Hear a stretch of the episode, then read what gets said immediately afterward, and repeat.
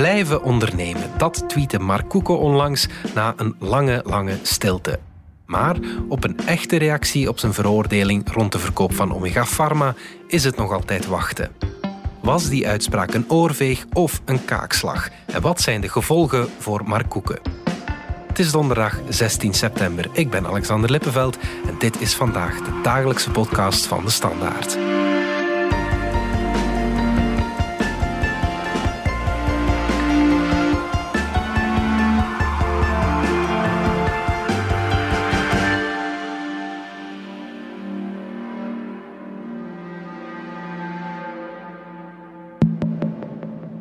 In 2014 verkocht Mark Koeken zijn Omega Pharma aan het Amerikaanse Perrigo.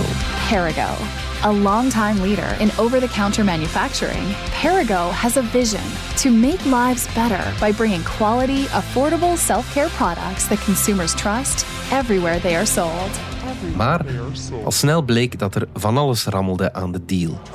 Perrigo stapte naar de arbitragerechtbank en Koeken en het Financieel Fonds Waterland zijn nu voor fraude aansprakelijk gesteld. Ze moeten zo'n 266 miljoen euro betalen aan Perrigo, een bedrag dat oploopt tot zo'n 350 miljoen door de arbitragekosten en de rente.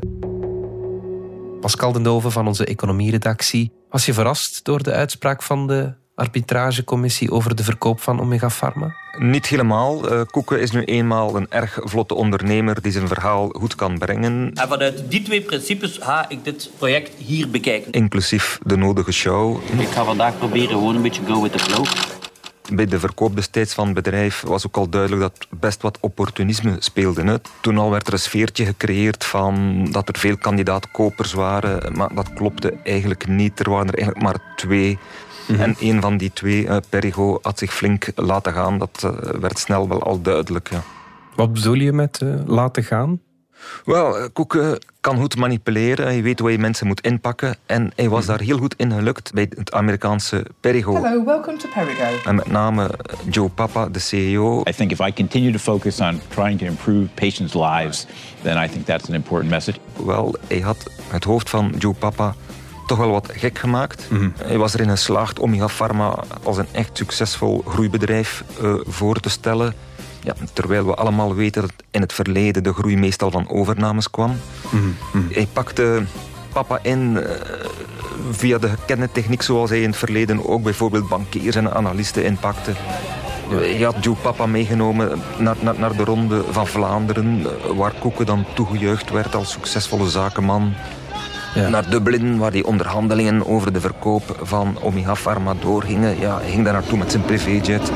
Allemaal dat accent van succesvolle ondernemer etaleren. De hele wereld kent zijn naam, hij geniet van roem en faam. Vanuit één optiek. Ja. De prijs maximaliseren, zoveel mogelijk geld krijgen voor Omega Pharma. En daar was hij dus duidelijk in geslaagd.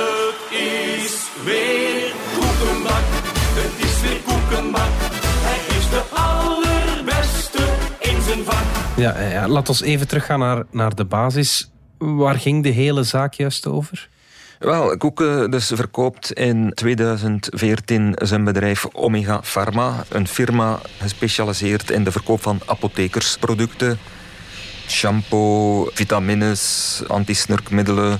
Omega Pharma verkocht honderden producten had een aantal van die merken in de markt gezet via wielersponsoring. En in 2014 heb je een sfeer in de markt van die voorschriftvrije producten en over-the-counter producten, zeg maar laagdrempelige apothekersproducten, dat er gekke prijzen werden geboden. En Koeken besefte, het is hier het moment om te cashen. Perigo heeft dan ja, een hoog bedrag betaald. Zijn ze eigenlijk blind geweest voor wat er achter het bedrijf zat? Zijn ze voldoende kritisch geweest in heel dat aankoopproces? Wel, het klikte tussen papa en Koeken. Twee speciale mhm. mensen, twee vlotte ondernemers samen. Mhm. En Perigo had zoiets van: dit bedrijf moeten we hebben. Dit kan onze groei versterken. Dit is een extra bruggenhoofd naar continentaal Europa voor ons. We mhm. kunnen de producten die we nu al in de States vooral verkopen, loslaten op het platform van Omega Pharma. En blijkbaar zijn dat zeer commerciële mensen die zeer veel groei kunnen creëren. Dus gaat onze groei dan ook nog eens flink toenemen. Maar die hoop is niet helemaal uitgekomen. Hè? Hmm. Hadden ze dan heel snel spijt van hun aankoop? Wel, dat groeibedrijf en dat bleek al snel dan toch geen zo'n fors groeibedrijf te zijn. Hè. Al enkele maanden nadat ze een handtekening hadden gezet, bleek dat die verkoop toch wat onder druk kwam. Mhm. Ze vroegen zich af van hoe, hoe kan dat dat we ons zo vergist hebben? Ja. En ze hebben dat grondig laten uitspitten. Maar terzelfde tijd, in die periode, hadden ze zelf ook wat ontevreden aandeelhouders op hun dak. Ik zeg het, de markt van die apothekersproducten was zeer hot. Ja. Nauwelijks hadden ze Omega Pharma gekocht of ze hadden zelf een bod op hen gekregen van een andere Amerikaanse groep, Mylan. Ze hadden toen tegen hun aandeelhouders gezegd van niet op ingaan op dat bod, want Omega Pharma gaat ons echt mooie winstcijfers bijbrengen. En, en dat bod van Mylan is veel te laag. Joe Papa. We've worked very hard with our shareholders to understand our, our vision for the future. Maar ja, als dan vervolgens blijkt dat die verkoop van Omega Pharma teleurstellend laag is, slabakt. Mm. But at the end of the day, this comes down to What does the shareholder, as the owner of the company, want to do? Is dus te maken met ontevreden aandeelhouders in de States die zeggen van zeg je dat bod van Mylan, dat hadden we natuurlijk wel moeten pakken. En de verdediging mhm. van Perigo was dan van ja maar luistert, we zijn hier zelf het slachtoffer van misleiding. En hoe is die misleiding dan, dan gebeurd? Wel, we moeten toegeven dat we daar nog niet echt heel veel details over hebben. Hè. En dat komt omdat die arbitrageprocedure geheim is. Ja, maar er zijn wel een paar elementen die circuleren. In de eerste plaats manipulatie van de omzetcijfers. Mhm. Om dat groeikarakter te onderlijnen. Mhm. En dus dat daar producten al zijn uitgeleverd. Producten die dan in de apotheek terechtkomen, die al uitgeleverd werden, maar nog niet echt verkocht waren. Ja, er waren daar afspraken onder tafel gemaakt van kijk, we leveren u nu al heel veel, maar wat je later niet verkocht krijgt, kan je terugsturen. en dan hoef je dat uiteraard niet te betalen. Dus meer dan wat creatief boekhouden. Hè? Ja, dat is natuurlijk wel problematisch als je zoiets doet. Mhm. We weten ook van Koeken van in het verleden dat hij altijd al uh, zeer vlot was in het mooi voorstellen van zijn financiële resultaten. Hè. Mhm. Een constante bij Omega Pharma was altijd van kosten zoveel mogelijk als eenmalig voor te stellen. Ja. Of ze uit te smeren over meerdere jaren door ze voor te stellen als een investering. Mm. Dat is allemaal met één doel. Hè? Het cijfer waar iedereen naar kijkt om een prijs op een bedrijf te plakken, dat is de bruto bedrijfswinst. Ja. En dus die ga je zo hoog mogelijk voorstellen. Ja, ja, ja. Waarom werd deze zaak door een arbitrage rechtbank gevoerd en niet door een gewone rechtbank? Er is voor arbitrage gekozen in eerste instantie omdat dat zo afgesproken was in het verkoopproces. Dus er was contractueel vastgelegd als er betwistingen waren Mhm. dat die dan moesten voorgelegd worden aan een gespecialiseerde arbitragecommissie aan Sepani, die dan een uitspraak ging doen die definitief bindend was en waar in principe geen beroep tegen mogelijk was. Mhm. Het alternatief, het klassiek model dat we hier kennen, is dat mensen die zich gepakt voelen of misleid voelen een strafklacht neerleggen mhm. met burgerlijke partijstelling en het overlaten aan een onderzoeksrechter. Nu, als je voor zo'n procedure kiest, dan verlies je de regie uit handen. Hè. Dan zit het in handen van het gerecht en de gerechtelijke molen draait langzaam. Mhm. Dan kan dat heel lang duren voor een uitspraak is en ondertussen zit je vast. Ja, ja, ja, ja, ja. En de gevolgen kunnen ook veel, veel zwaarder zijn voor de beklaagde. Wel, voor wie dat als zo blijken dat iemand strafrechtelijke inbreuken heeft begaan, kunnen de gevolgen inderdaad wel uh, ver gaan. Hè. Kan je zelfs mm. een gevangenisstraf krijgen. Dus in die zin, uh, zeker maar Koeken, denk ik, zal er niet rouwig om zijn dat hier nooit strafklacht is neergelegd, maar dat gewoon inderdaad voor de arbitrageprocedure is gekozen.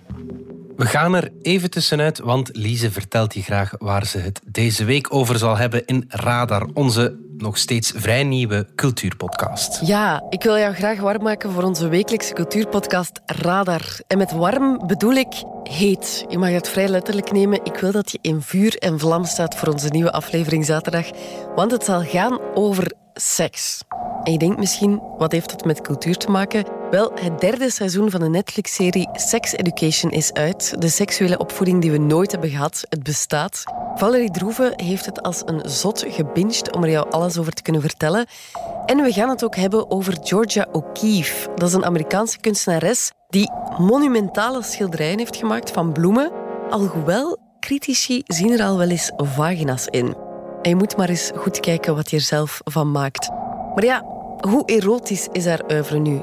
Dat kom je te weten deze zaterdag in Radar. Radar. Radar. Radar. Radar. Terug naar Mark Koeken. Pascal, we kennen de boete. Die is 266 miljoen. Na kosten en rente verhoogt dat tot 350 miljoen euro. Dat is veel, maar dat is natuurlijk niet de 1,9 miljard waar Perigo om vroeg. Komt Koeken er ergens nog goed vanaf?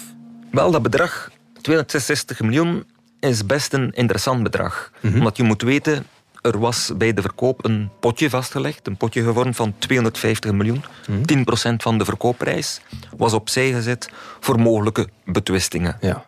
Dit potje hier is eigenlijk opzij geschoven. Men is er over gegaan, men is over het plafond gegaan. Ja. En dat gebeurt uiterst zelden. Dat zie je echt niet veel in verkoopprocessen. Dat er allerlei betwistingen ontstaan die die 10% overtreffen. Mhm. Bovendien heeft men hier gezegd van... Ja, eh, het zijn geen courante betwistingen. Hè. Er is hier bewuste misleiding geweest. Mhm, mhm, dus technisch fraude. Ja. Dus in die zin is het een belangrijke uitspraak. Ze vroegen inderdaad veel meer, 1,9 miljard. Twee bedenkingen daarbij. Ja, als je schadevergoeding wil, ga je altijd hoog inzetten. Ja. Je vraagt altijd een veelvoud van wat je hoopt te bekomen. Mm en twee, ja, met 1,9 miljard destijds als claim, ja, was dat echt wel een mega-claim die ze hadden losgelaten op Koeken. Dat toonde denk ik ook wel hun onvrede, hun boosheid. Mhm. En dat moest ook wel, denk ik, ook de achterban, je weet, ze hadden zelf boze aandeelhouders op hun nek een beetje op afstand uh, houden. Ja, dus ja, een stuk ook tactisch. Ja, ja. Is Perigo nu tevreden met die uitspraak dan? Het schijnt dat beide partijen niet 100% happy zijn. Perigo is blij natuurlijk dat die bewuste misleiding vast is komen te staan. Hè. Mhm. Om te tonen van dit was geen normaal verkoopproces. We werden gerold. Is belangrijk voor een verdediging, weet je wel, tegenover al die claims in de States.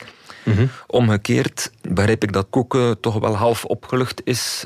Ik kan blijven verder als investeerder gaan. Het is niet zo dat hij nu financieel vleugelam is gemaakt, dat het bedrag zo groot is dat hij een deel van zijn investeringsholding moet ontmantelen, dat hij moet beginnen zaken verkopen. Dat is niet het geval. Mhm.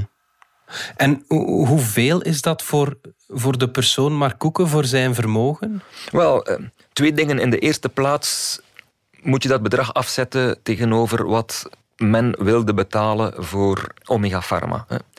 Mhm. En Perigo die had wel eventjes het dubbele geboden dan die andere bieder dan Sanofi. Mhm. Die andere bieder zat eerder op 1,3 miljard voor de aandelen. Mhm. Perigo bood 2,5 miljard. En dus als je dat bedrag van die veroordeling aftrekt, dan heeft hij nog altijd een stuk meer over dan wat hij had gekregen van Sanofi. Dus eigenlijk nog altijd een goede zaak voor hem. Want trouwens, een punt in hand die arbitrage, hè, dat die arbiters hebben gezegd, ja maar meneer Perigo, je hebt het zelf keihard gewild. Hè. Mhm. Eh, je wilde dat bedrijf absoluut, je was bereid een gekke prijs te betalen. En dat is ook een beetje in, dat, in die eindveroordeling tot uiting gekomen. Het blijft een hoge prijs, ondanks de correctie. Mm Nu, tenslotte bedrag van 266 miljoen plus de kosten 350 miljoen. Hè is mhm. door de twee grote aandeelhouders van Omega Pharma te betalen. Zoals je zei, naast Koeken had je ook die financiële aandeelhouder Waterland. Ze hadden mhm. elk de helft. Dus de 350 door twee te delen is 175 elk. Voor Koeken is dat veel geld. Ja, Koeken heeft niet graag een euro uit. Hè. Eh, dus... Of toch geen euro's die hij niet kan terugverdienen. Maar hij komt goed weg. Ja. Hoe heeft Mark Koeken eigenlijk gereageerd op die uitspraak? Wel, het valt op, ehm, de uitspraak dateert al van enkele weken geleden, dat hij eh, nog altijd eigenlijk het stilzwijgen bewaart. Hij heeft nog geen officiële communicatie gedaan, reageert niet op sms'jes, op vragen om toelichting, neemt zijn telefoon niet op. Maar we hebben wel vorige week gezien dat hij een korte tweet heeft uh, verstuurd. Ik kreeg zelfs zo'n alert op mijn telefoon van uh, Mark Koeken heeft voor het eerst sinds lang opnieuw een tweet gestuurd. Mhm. En daar was zijn boodschap blijven ondernemen. Dat was naar aanleiding van de overname van een skipiste in Frankrijk.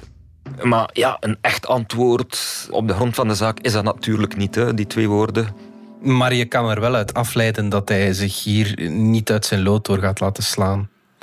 Exact, hè. Koek is zo'n type mens van... Een, je krijgt een emmer water over je hoofd, al dan niet vervuild water.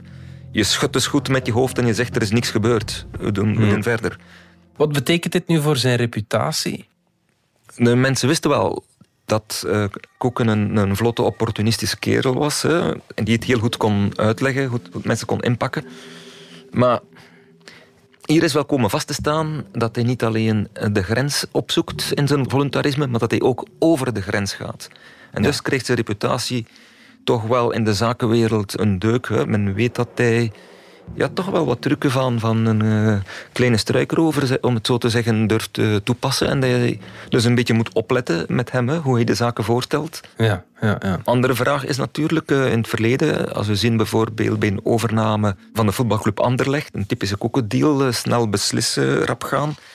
Die daar een co-investeerder die het volste vertrouwen had in hoe dat Koeken dat aanpakte. Mhm. Zullen zo'n co-investeerders nog bereid zijn, geblinddoekt eh, op de achterbank als het ware, te zitten en zeggen van koeken, geef maar gas? Misschien wordt iedereen toch iets voorzichtiger. Ja, ja, ja. Je zei al dat hij de mensen kan bespelen. Heeft hij jou ook ooit uh, zo proberen bespelen, Pascal? Koeken heeft mij ooit ook eens uitgenodigd hier in Vlaanderen voor de, voor de E3. Mhm. Ik weet dat we toen die namiddag een rit in West- of Oost-Vlaanderen hebben gezien en dat we ook zijn kunstcollectie hebben bezocht. Ja. En de manier dat hij dat deed, want dat was voor mij de reden om mee te gaan. Ik wou zien hoe dat Koeken, die analisten die daar waren en die bankiers, hoe dat hij die inpakte en bespeelde. En ik moet zeggen, hij deed dat wel magistraal. Hij maakte daar echt een show van.